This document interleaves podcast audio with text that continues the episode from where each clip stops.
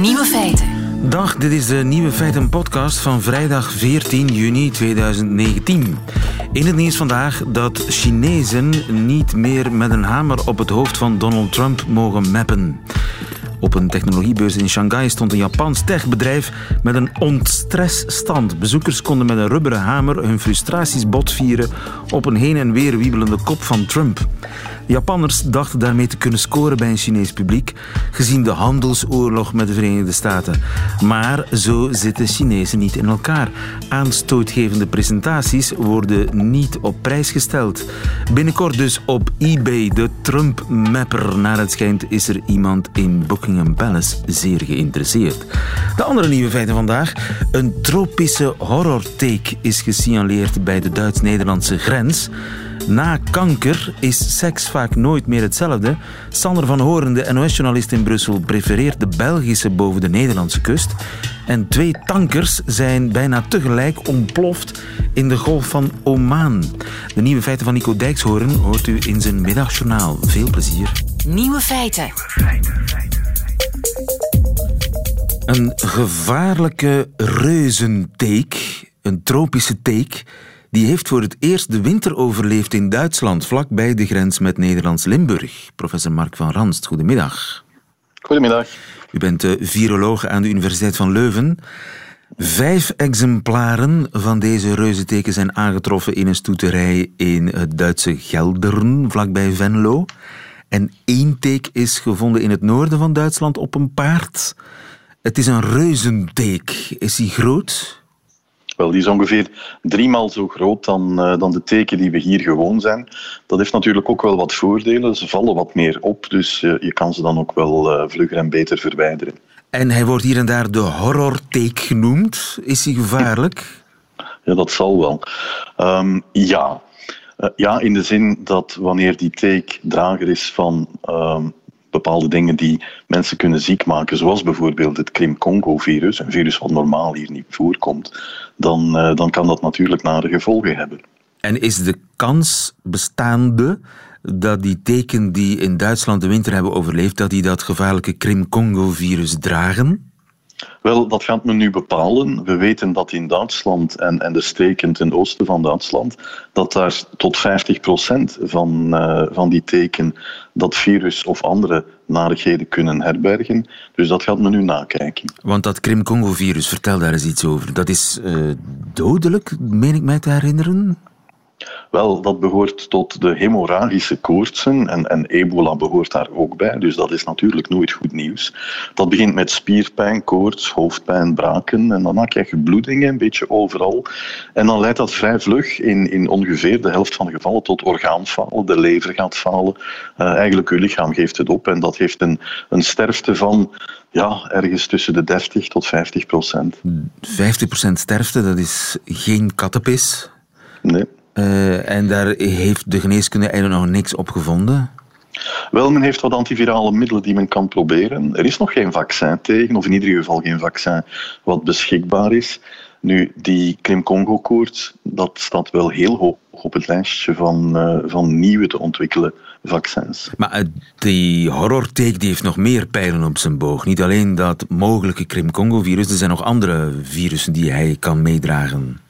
Wel, dat kan ook rickettsia veroorzaken, dat is een andere aandoening. Dat kan ook uh, ja, de ziekte van Lyme, iets minder dan onze teken, maar toch veroorzaken. Tekenen zijn gewoon nooit goed. Je hebt ook tekenencefalitis, dus een tekenhersenontsteking.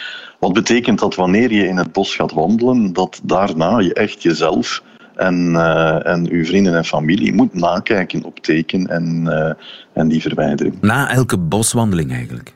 Ja, eigenlijk wel. En ik denk dat we dat meer gaan moeten doen. Uh, door de klimaatverandering, dan gaan we uh, meer van die tekenen, ook van die exotische tekenen en ook exotische muggen, meer gaan zien. En we moeten ons daar iets meer van bewust zijn. Ja, deze exotische teek heeft de winter overleefd. En je zei het al, klimaatverandering. De winter overleefd in Duitsland. Dat, dat is een, een turning point, dat is iets belangrijks. Wel, dat is een evolutie, dat zien we eigenlijk al jaren, maar dat was eerder in Zuid-Europa begonnen. Uh, maar wanneer die temperaturen blijven stijgen, dan gaan we natuurlijk ook hier bij ons daarmee geconfronteerd worden wanneer we droge zomers krijgen, warme herfst en winters waar nooit min 20 graden wordt bereikt, dan, ja, dan kunnen die dingen, die zelfs die exotische teken, kunnen die hier ook overleven. Ja, en dat zal de verspreiding natuurlijk een handje helpen, want in principe, hij was hier al eerder gesignaleerd, maar nooit zo vroeg na de winter. Dat klopt. Die, af en toe komen die tekenen hier voor, want die reizen mee met trekvogels. Dus op een trekvogel kunnen uh, drie tot vijf van die teken zitten en die gaan dan als passagiers mee. Wanneer die trekvogels hier landen, dan kunnen die occasioneel wel een keer gevonden worden op, op runderen of op hazen bijvoorbeeld. Uh, maar die overleefden de winter niet. Nu is dit zeer vroeg op het seizoen dat die, uh, dat die, uh, die teken gevonden werden in Duitsland. En dus denkt men, en ik denk dat dat waar is, dat ze de winter overleefd hebben. Ja. Uh, we hebben eigenlijk amper een winter gehad vorig jaar. En dus zijn beet is gevaarlijk en gevaarlijker dan de gewone teken die we hier zien. Maar hij is ook actiever. Hij achtervolgt de mens. Ja, dat heb ik ook gelezen. Dat wordt een beetje overdreven. Uh, nu, het is zo dat de teken die we hier uh, hebben, de kleine teken, die moeten op u vallen. Ja, die hebben eigenlijk maar één kans in uw leven. En als, wanneer u passeert, dan zeggen ze van, oh, oh, dit is iets warm, we gaan ons laten vallen en dan is het alles of niks. Ja. Um, deze teken, dat zijn eigenlijk tekenen die zich meer kunnen bewegen. Nu, u achtervolgen, dat is natuurlijk wel wat overdreven. Zo snel zijn die diertjes natuurlijk ook niet. Um, maar die kunnen dus naar u toe kruipen en, uh, en u dan uh, gaan bijten. Ja, maar zijn er ooit in uh, onze streken gesignaleerd? Nee, en dat moet ook wel heel duidelijk zijn. Het lijkt alsof dat nu plots een, een heel dringend en dreigend gevaar is. Dat, is. dat is niet waar. Die zijn in België nog niet gevonden. Maar pas op, uh, Gelderen, dat ligt amper uh, 70 kilometer van Mazeik. Dus, dus dat zou kunnen dat die gevonden wordt. Het is nog heel niet zeker dat die Krim-Congo-koorts dat die er op dit moment is. We zouden dat ook niet missen, want dat is toch wel een heel spectaculair beeld. We kunnen dat ook opsporen in ons labo. Uh, maar op dit moment moet het heel duidelijk zijn: deze teek, nog deze ziekte, zijn op dit moment in ons land. Ja, geen reden tot paniek, wel tot bezorgdheid. Dankjewel, Mark van Ranst. Goedemiddag. Dag.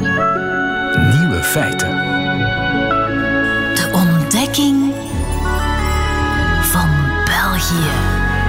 Inderdaad, het is weer vrijdag en dan checken we de vorderingen van aspirant Belg Sander van Horen, NOS-journalist in Brussel. Deze week, lieve, ga je moeten zeggen aspirant Vlaming. Oh, kijk eens. Want ik ben een stuk Vlaamser geworden door de Belgische kust. De Belgische en, kust? En ik ben een stuk Vlaams nationalistischer geworden als Nederlander. Ja, sorry, door Proximus. Oké, okay, laten, we, laten we bij de kust beginnen. Ja. Ik ga altijd naar Zeeland. Ja, maar daarom. En daarom, omdat jij dat tegen mij zegt, omdat elke Vlaming dat tegen mij zegt, ben ik ook altijd, en Zeeland is dichtbij, ben ik naar Zeeland gegaan. Ik besef dat ik in de bijna twee jaar dat ik nu Belg probeer te worden, dus op gezag van jullie, met een grote boog om die kust heen ben gelopen. Ja. Tot afgelopen weekend. Ik Waar ben, ben je naartoe gegaan? Ik ben aan het trainen, uh, sorry, aan het trainen voor uh, de Nijmeegse Vierdaagse. Trainen mag hoor. Ik zeg trainen. Trainen, oké. Okay. Ik ben aan het trainen voor de Nijmeegse Antwerps, hè, trainen geloof ik meer. Nou, in elk geval um, ben ik uh, aan het, aan het oefenen, dus dan moet je kilometers maken. En wij dachten, wij gaan lopen van Oostende nou hoor jij in jou te applaudisseren omdat ik niet Oostende zeg, hè? Oh ja, dat is waar. Ja, ja. ja. Oostende, Ja, precies, ja. ja. Uh, naar Kokzijde gelopen. Oké. Okay. Uh, dat is een 30, 35 kilometer. En ik vind hem leuk. Je, je hebt echt gerend? Nou, nee, nou, nee sorry. Gestapt. gestapt. Ja, ja, ja, ja. ja je weet lopen? Ja, nee, ik weet hem. Ja, nee, gestapt. Want de okay. Nijmeegse Vierdagen, uh, die, die, Gewandeld. die uh, wandel je. En, en, en daar heb je mooi... Je gaat vier dagen aan één stuk door wandelen? 50 kilometer per dag. En ik hoop hem uh, een keer op een vrijdag uh, te lopen. Wil ik ook de groene rand rond Brussel lopen. Als je hem loopt, de kleine groene rand, dat is 63 kilometer. Uh, op één dag. Je bedoelt dus... nog altijd stappen, hè? Ja. nou, le leer die dan van mij. Ik, want dat gaat, dat gaat er nooit in komen. Maar ik stap dan rond, de, rond Brussel. Ja. Oké, okay, maar, maar, goed. We wijken af. Oostende, Kokzijde gestapt. En? Ik vind het leuk. Waarom? Ja, nee, ik, ik zie die gebouwen, het is niet fraai, maar je kunt aan zee wonen. En wat je met die gebouwen krijgt, is dat je daarmee daarvoor iets krijgt. Uh, een boulevard die in toenemende mate in al die dorpen en steden autoluw of autovrij is zelfs. Den Dijk. Daar, daar zit horeca. Ja. Daar kun je flaneren. Ja. Flaneer maar eens in Nederland. Ja, in Scheveningen misschien. Nou, Scheveningen is, is de Belgische kust to the max, zeg maar. Dat, dat is, en en uh, er gebeurt daar van alles. Ze proberen dat aardiger te maken. Uh, ze proberen, uh, volgens mij was dat in Westende, dat ze met gekleurde bankjes en dergelijke, met strandpaviljoens die dan op het strand staan, die in een bepaald thema zijn. Um, ook die, die hè, want dat is natuurlijk vreselijk. Die voorkant, die flats, die zijn niet mooi. Maar dan heb je in elk geval nog die boulevard. Aan de achterkant heb je de achterkant van die flats.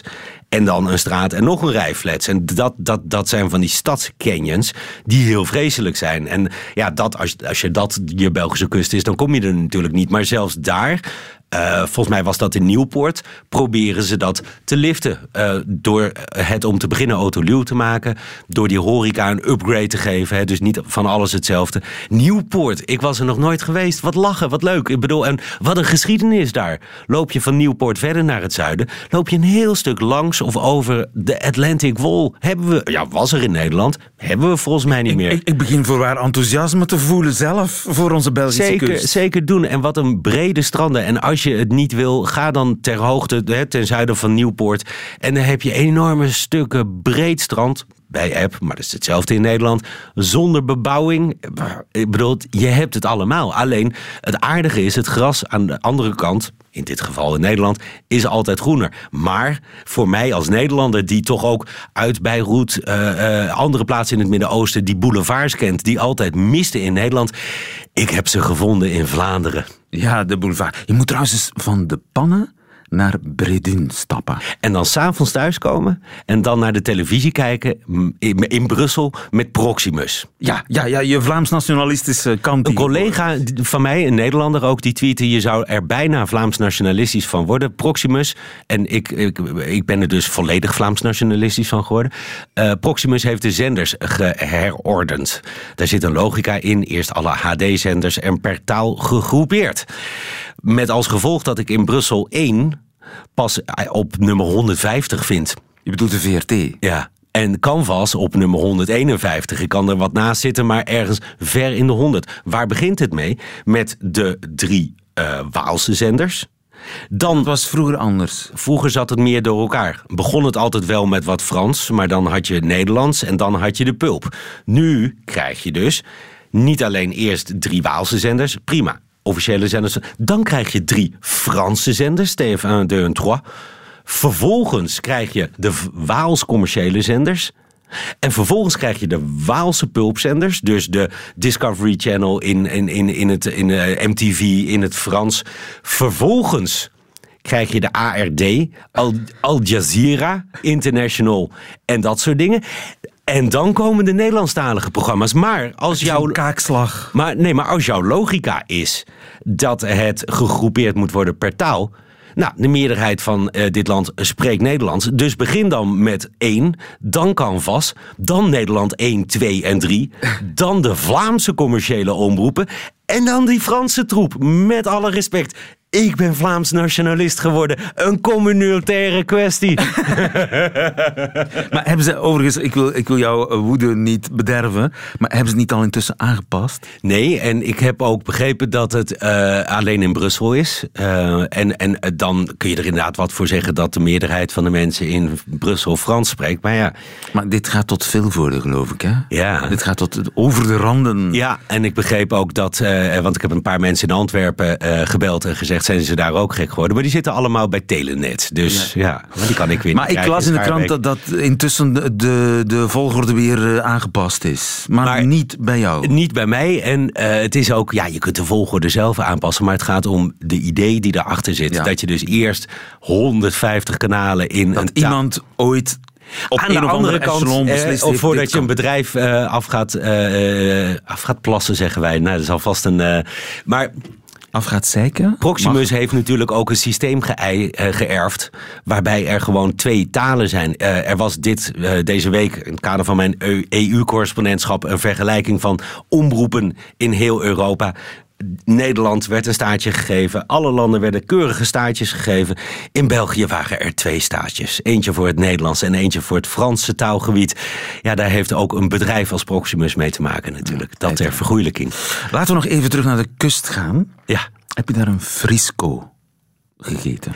Nee, het was best wel fris eigenlijk nog, maar ze werden wel verkochte ijsjes. Oké, check. En heb je foto's getrokken? Foto's gemaakt gewoon? Ja, ja, foto's trekken. Ja, nee, eh, te weinig eigenlijk.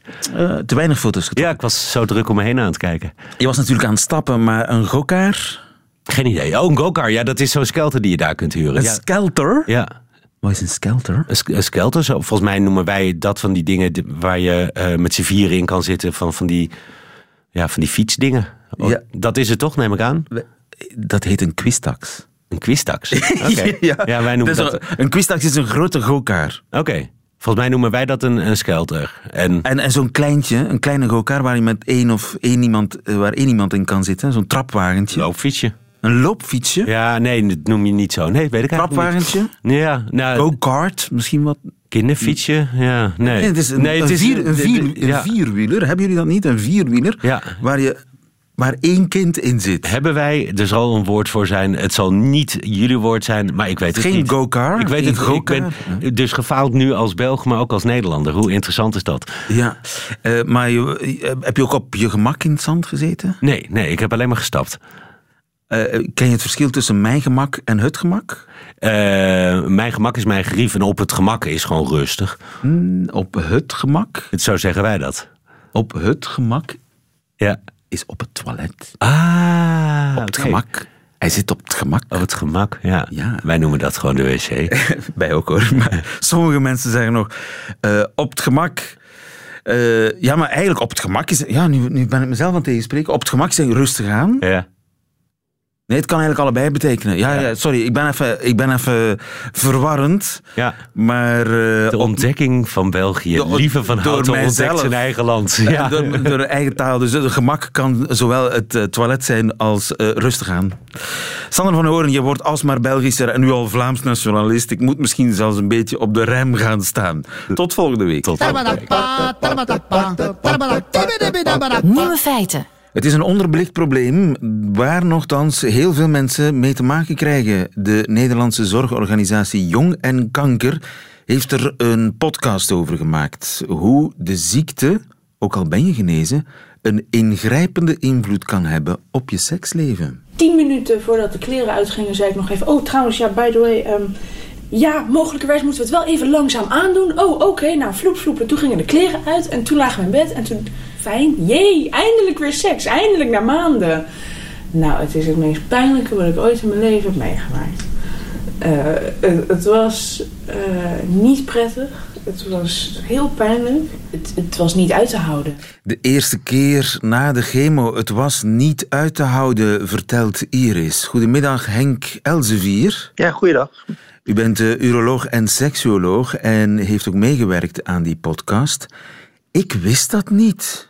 Nou, uh, dat is bijzonder, laat ik zo zeggen. Daar is ook de podcast natuurlijk voor gemaakt om meer ja, mensen te informeren dat, uh, niet alleen voor jongeren, maar voor uh, heel veel mensen die geconfronteerd worden met ziekte, uiteindelijk dat een invloed kan hebben op hun seksuele beleving, ook hoe ze seksueel kunnen functioneren. Dus en daar hebben we die podcast voor gemaakt. Kanker heeft invloed op je seksleven?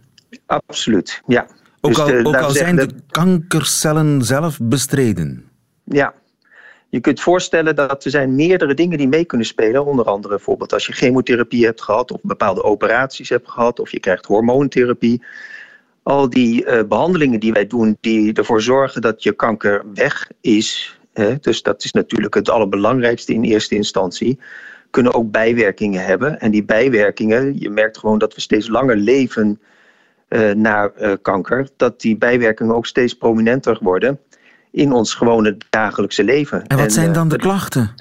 Nou, de klachten kunnen zijn, is, nou, je kunt heel makkelijk voorstellen dat op het moment dat je een operatie aan je borst hebt gehad als vrouw, dat dan natuurlijk je borst weg kan zijn, uh, dat dat een heel grote invloed heeft van hoe je jezelf ziet.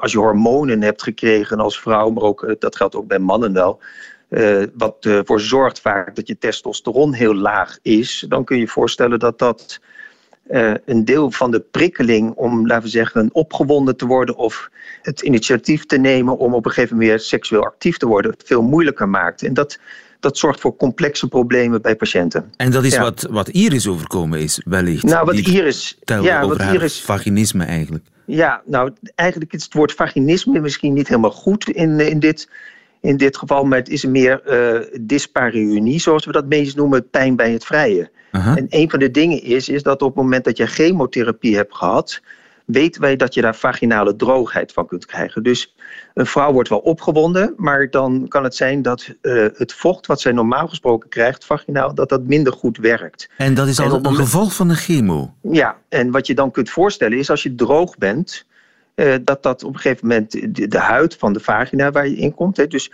dat die pijnlijker is omdat het gewoon droog is. Dus in het geval van Iris, als zij dat beter had geweten, had ze misschien ten eerste wat meer tijd moeten nemen. Dat, uh, dus dat ze zegt van, joh, weet je, uh, ik heb dit allemaal gehad. Hè, dus het is al heel stoer van haar dat ze toch weer dat initiatief heeft genomen en gekeken van wat kan wel, wat kan niet.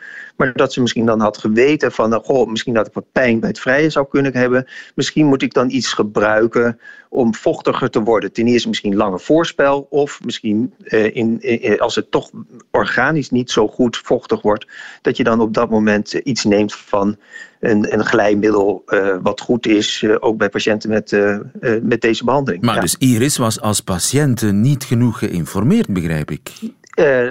Iris die was niet goed voldoende geïnformeerd. Dat klopt, ja. Dus, en daar zijn we dus zo druk mee bezig. Onder andere met dat hele AYA-platform wat we hebben.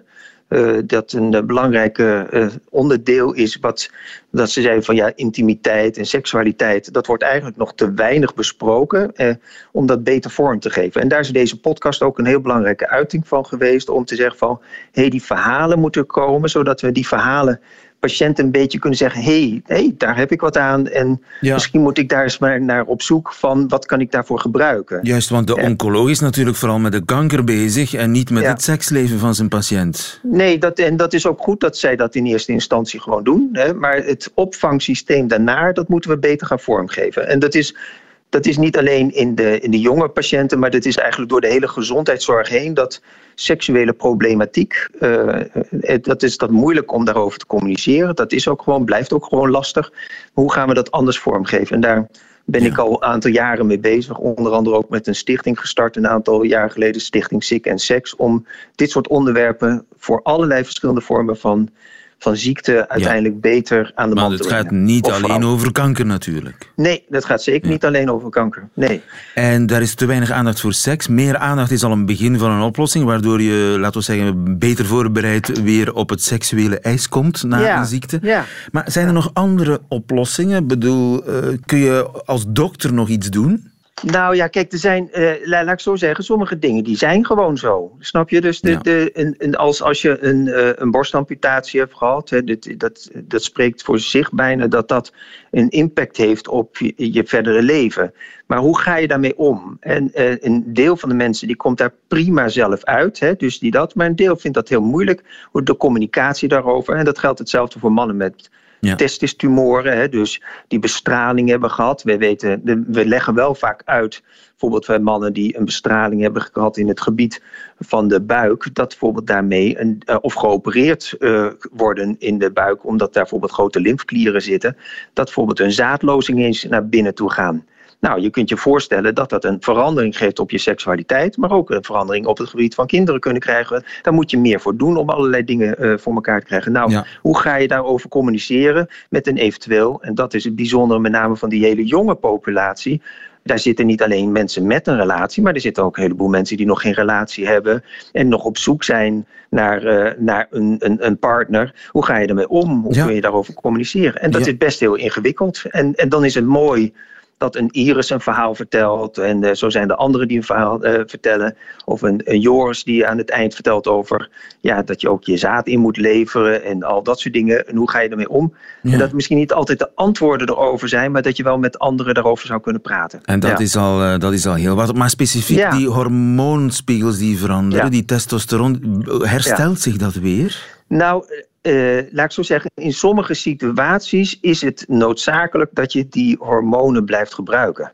Aha. Uh, en dat is voor, voor dan, dan, maar dan is het nog zo dat het bijzondere is, is dan dat je uiteindelijk wel ook met die lage hormoonwaarden wel weer op zoek kunt gaan naar mogelijkheden om intimiteit met elkaar te beleven. Want het gaat natuurlijk niet alleen over seks op zich, maar het gaat over dat je ook behoefte hebt om misschien met elkaar gewoon intiem te kunnen zijn. En hoe ga je dan daarmee om? En uiteindelijk is het dan mooi als je soms uh, een moment vindt dat dat wel weer gaat lukken, maar dan op een andere manier. En dat je niet continu in een soort terugkijkspiegel kijkt van.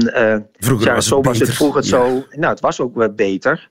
Maar het is dus nu anders. Hè? Dus een, een, een collega, Jim Bender, dat is een seksoloog uh, die met name in de revalidatiegeneeskunde doet, die zei zo mooi: als je de hele dag uh, in je auto zit, in een terugkijkspiegel uh, te kijken, dan is de kans groot dat je ergens tegenaan botst. Ja. Dus je moet uiteindelijk ook wel eens een keer een beetje vooruit gaan durven te kijken met die veranderde situatie. Dus Ja. ik zeg altijd tegen mijn patiënten: je moet op zoek naar je nieuwe ik. Maar je moet ook op een gegeven moment op zoek naar je nieuwe wij. En daarbinnen eh, de zoektocht aangaan. En dan kunnen dingen zoals een podcast of animatiefilmpjes of informatiesites, noem maar op. En dat zullen we pluriform moeten aanbieden. Help daarin. We zetten Ja. een link naar de podcast op onze site. Dankjewel Henk Elsevier. Goedemiddag. Ja. Radio 1. Er is iets vreemds gebeurd gisteren in de Golf van Oman. Twee olietankers zijn daar min of meer ontploft voor de Iraanse kust. Jens Fransen, goedemiddag. Goedemiddag, lieven. Onze ja, Midden-Oosten-kenner, ze zijn niet helemaal ontploft, die tankers natuurlijk. Maar wat is er gebeurd? Het is niet de eerste keer dat we dit incident hebben gehad. Hè. Vorige maand zijn daar ook al vier eh, tankers beschadigd in dit geval. Eh, wellicht eh, beschadigd door een mijn of door een, ja, een, een, een ontploffingsmechanisme dat aan die romp bevestigd is. Het vreemde is, er is schade aan die tankers, maar aan de andere kant is die schade dan ook weer net niet zo groot dat ze helemaal gaan zinken en dat je echt tot een heel groot incident hebt. Het lijkt een beetje alsof iemand in de regio ja, een signaal wil geven aan anderen. Maar wie dat signaal dat geeft en wat dat dan moet zijn, ja, daar zou je dan heel veel vraagtekens kunnen gaan bij stellen. Ja, de Amerikaanse minister van Defensie of van Buitenlandse Zaken, Pompeo, die weet het. It is the assessment of the United States government that the Islamic Republic of Iran is responsible for the attacks that occurred in the Gulf of Oman today. This assessment is based on intelligence, the weapons used, recent similar Iranian attacks on shipping, and the fact that no proxy group operating in the area has the resources and proficiency to act with such a high degree of sophistication. De Amerikanen zeggen het is Iran. Het kan niemand anders dan Iran zijn geweest die dit gedaan heeft. Alleen zij kunnen dat. Heeft hij gelijk? Ja, wel, het is eh, ja en nee. Eh, je moet luisteren naar wat hij zegt. Hè. Eh, als je dit soort operaties uitvoert, dat is een heel complexe operatie. Je kan niet zomaar met een schip of je raakt niet ongemerkt in die straat van Hormuz om daar onder water explosieven aan de romp van een groot schip te gaan brengen. Je zou dat bij wijze van spreken keer één keer per ongeluk kunnen doen, maar je kan dit geen vier, vijf, zes keren doen. Dus je zit met iemand die duidelijk de mogelijkheden heeft. Met andere woorden, je kan eigenlijk eh, terreurgroepen als IS of Al-Qaeda, die vroeger ook wel dat soort schepen is gingen aanvallen, maar die deden dat op een meer primitieve manier, hè, met skiffs, met kleine bootjes naartoe. Dit lijkt iets wat echt wel gesofisticeerd is. En dat beperkt natuurlijk het aantal spelers. Dan moet je gaan kijken naar staten die dit kunnen. Maar er zitten natuurlijk wel een pak staten die dit kunnen. Iran zou dit kunnen. Maar Amerika zelf zou dit ook kunnen. Een aantal golfstaten zouden dit kunnen. Zelfs Israël zou dit kunnen. Maar dan moet je gaan kijken naar... Waarom zouden de Amerikanen of. Israël of al die andere landen die je opnoemt, waarom zouden zij dat doen? à qui profite le crime?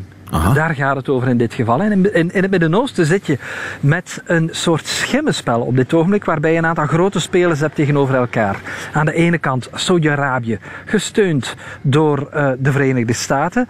Haak daar nog een klein beetje Israël aan, want Israël leeft ook op een zeer gespannen voet met Iran. En aan de andere kant heb je dan Iran.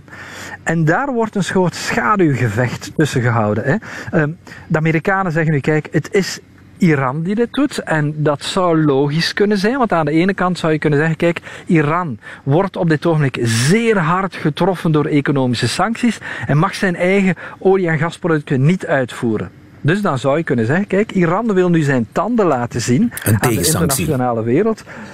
een tegensanctie. Als wij onze olie niet mogen uitvoeren, dan mogen de anderen dat ook niet. En dan gaan we die strategische straat van Hormuz, waar toch het grootste deel van alle olie die verscheept wordt, moet langs passeren. Dan gaan wij tonen, kijk jongens, als wij het niet mogen, dan mogen de anderen het ook niet. Ja, maar wat zou dan het voordeel kunnen zijn van Saudi-Arabië of Israël of, of de Amerikanen zelf om dit te doen? Wel, als je ervan uitgaat dat dit de internationale spanningen doet oplopen en mocht je een aantal van dit incidenten gaan hebben, dan zou dit de voorbode kunnen zijn van een militair optreden tegen Iran. En dan kijk je natuurlijk, dit is iets waar de Verenigde Staten een stukje naartoe werken. Dit is iets wat Saudi-Arabië niet, eh, wat Saudi-Arabië goed zou uitkomen. Saudi-Arabië wat aan de ene kant een soort religieuze opponent is van Iran. Hè. Iran is het hartland van het Shiïtische uh, uh, moslims. Maar aan de andere kant heb je dan Mekka en Medina, Saudi-Arabië. Dat, dat, is dan weer het Soenitische hartland. Maar het zijn natuurlijk ook twee economische concurrenten van elkaar. De twee grote energiespelers in de regio zijn aan aan de ene kant Iran, aan de andere kant Saudi-Arabië. Het zou Saudi-Arabië niet goed, het zou Saudi-Arabië goed uitkomen mocht Iran de komende tien jaar helemaal ja, weggespeeld worden vanuit die energiesector. Het zou de Verenigde Staten goed uitkomen mochten zij een premisse hebben om het land te kunnen aanvallen. In ieder geval, dit verhaal is nog lang niet uh, afgelopen. Een bizar schaduwspel uh, wordt gespeeld in de golf van Oman. Jens Fransen, dank voor de toelichting. Goedemiddag. Nieuwe feiten. Middagjournaal. Beste luisteraars. Ik zou heel graag accordeon willen kunnen spelen. Een trekharmonica. In de eerste plaats omdat hij net als een gitaar altijd voor je buik hangt. Dat vind ik een voordeel. Als ik optreed met mijn band, dan lijk ik een jaar of 43. Maar als ik mijn gitaar weer in de koffer doe, dan ben ik gewoon weer een 59-jarige oude dichter die 26 bundeltjes heeft verkocht, waarvan 23 aan kennissen en familieleden. De accordeon is een enorm groot instrument. Soms moet het door twee man om de schouders worden getild. Ik heb dat ooit meegemaakt in Amsterdam. Daar zijn ze dol op de accordeon en dan zingen ze eroverheen dat ze hun straat of hun stad zo mooi vinden. Dat klinkt ik ga nu even iemand imiteren, schrik niet, luisteraars. Dat klinkt ongeveer als volgt. Amsterdam, wat ben je mooi. Weet je straten en je pleinen, Amsterdam. Maar goed, ik zag daar dus hoe kleine Leo, lengte 1,62 meter, een accordeon kreeg omgehangen en door het gewicht van het instrument voorover in de gracht viel. Alleen de accordeon is teruggevonden. De accordeon had ook een woeste aantrekkingskracht op mijn vader. Ik durf hier wel te beweren dat hij meer naar een accordeon verlangde dan naar een zoon. In mijn vaders hoofd leefde het idee dat hij binnen een half uur aardig accordeon zou kunnen spelen. Dat was niet vreemd. Mijn vader dacht ook jarenlang dat hij mondharmonica kon spelen. Wij lieten hem tijdens verjaardagsfeestjes een kwartiertje piepen en blazen en daarna legden we hem op bed om hem te laten zien hoe ver hij erna zat, nam ik mijn vader mee naar een concert van de Texas Tornadoes met accordeonspeler Flaco Jiménez in de band. Een virtuoos. Hij speelde jarenlang met Ry Cooder. Het concert vond plaats in Paradiso, Amsterdam. Ik zat naast mijn vader op het balkon en hij keek en luisterde. En ik, ik keek naar hem.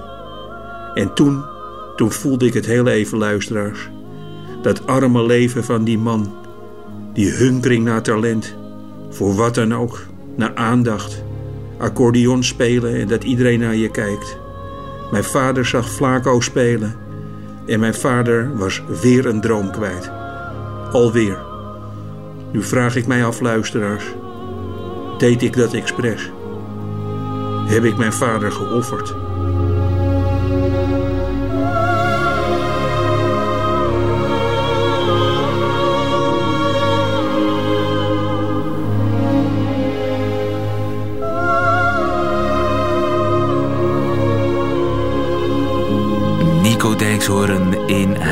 Middagjournaal. Einde van deze podcast, maar u vindt er nog veel meer op radio1.be en op de podcastkanalen.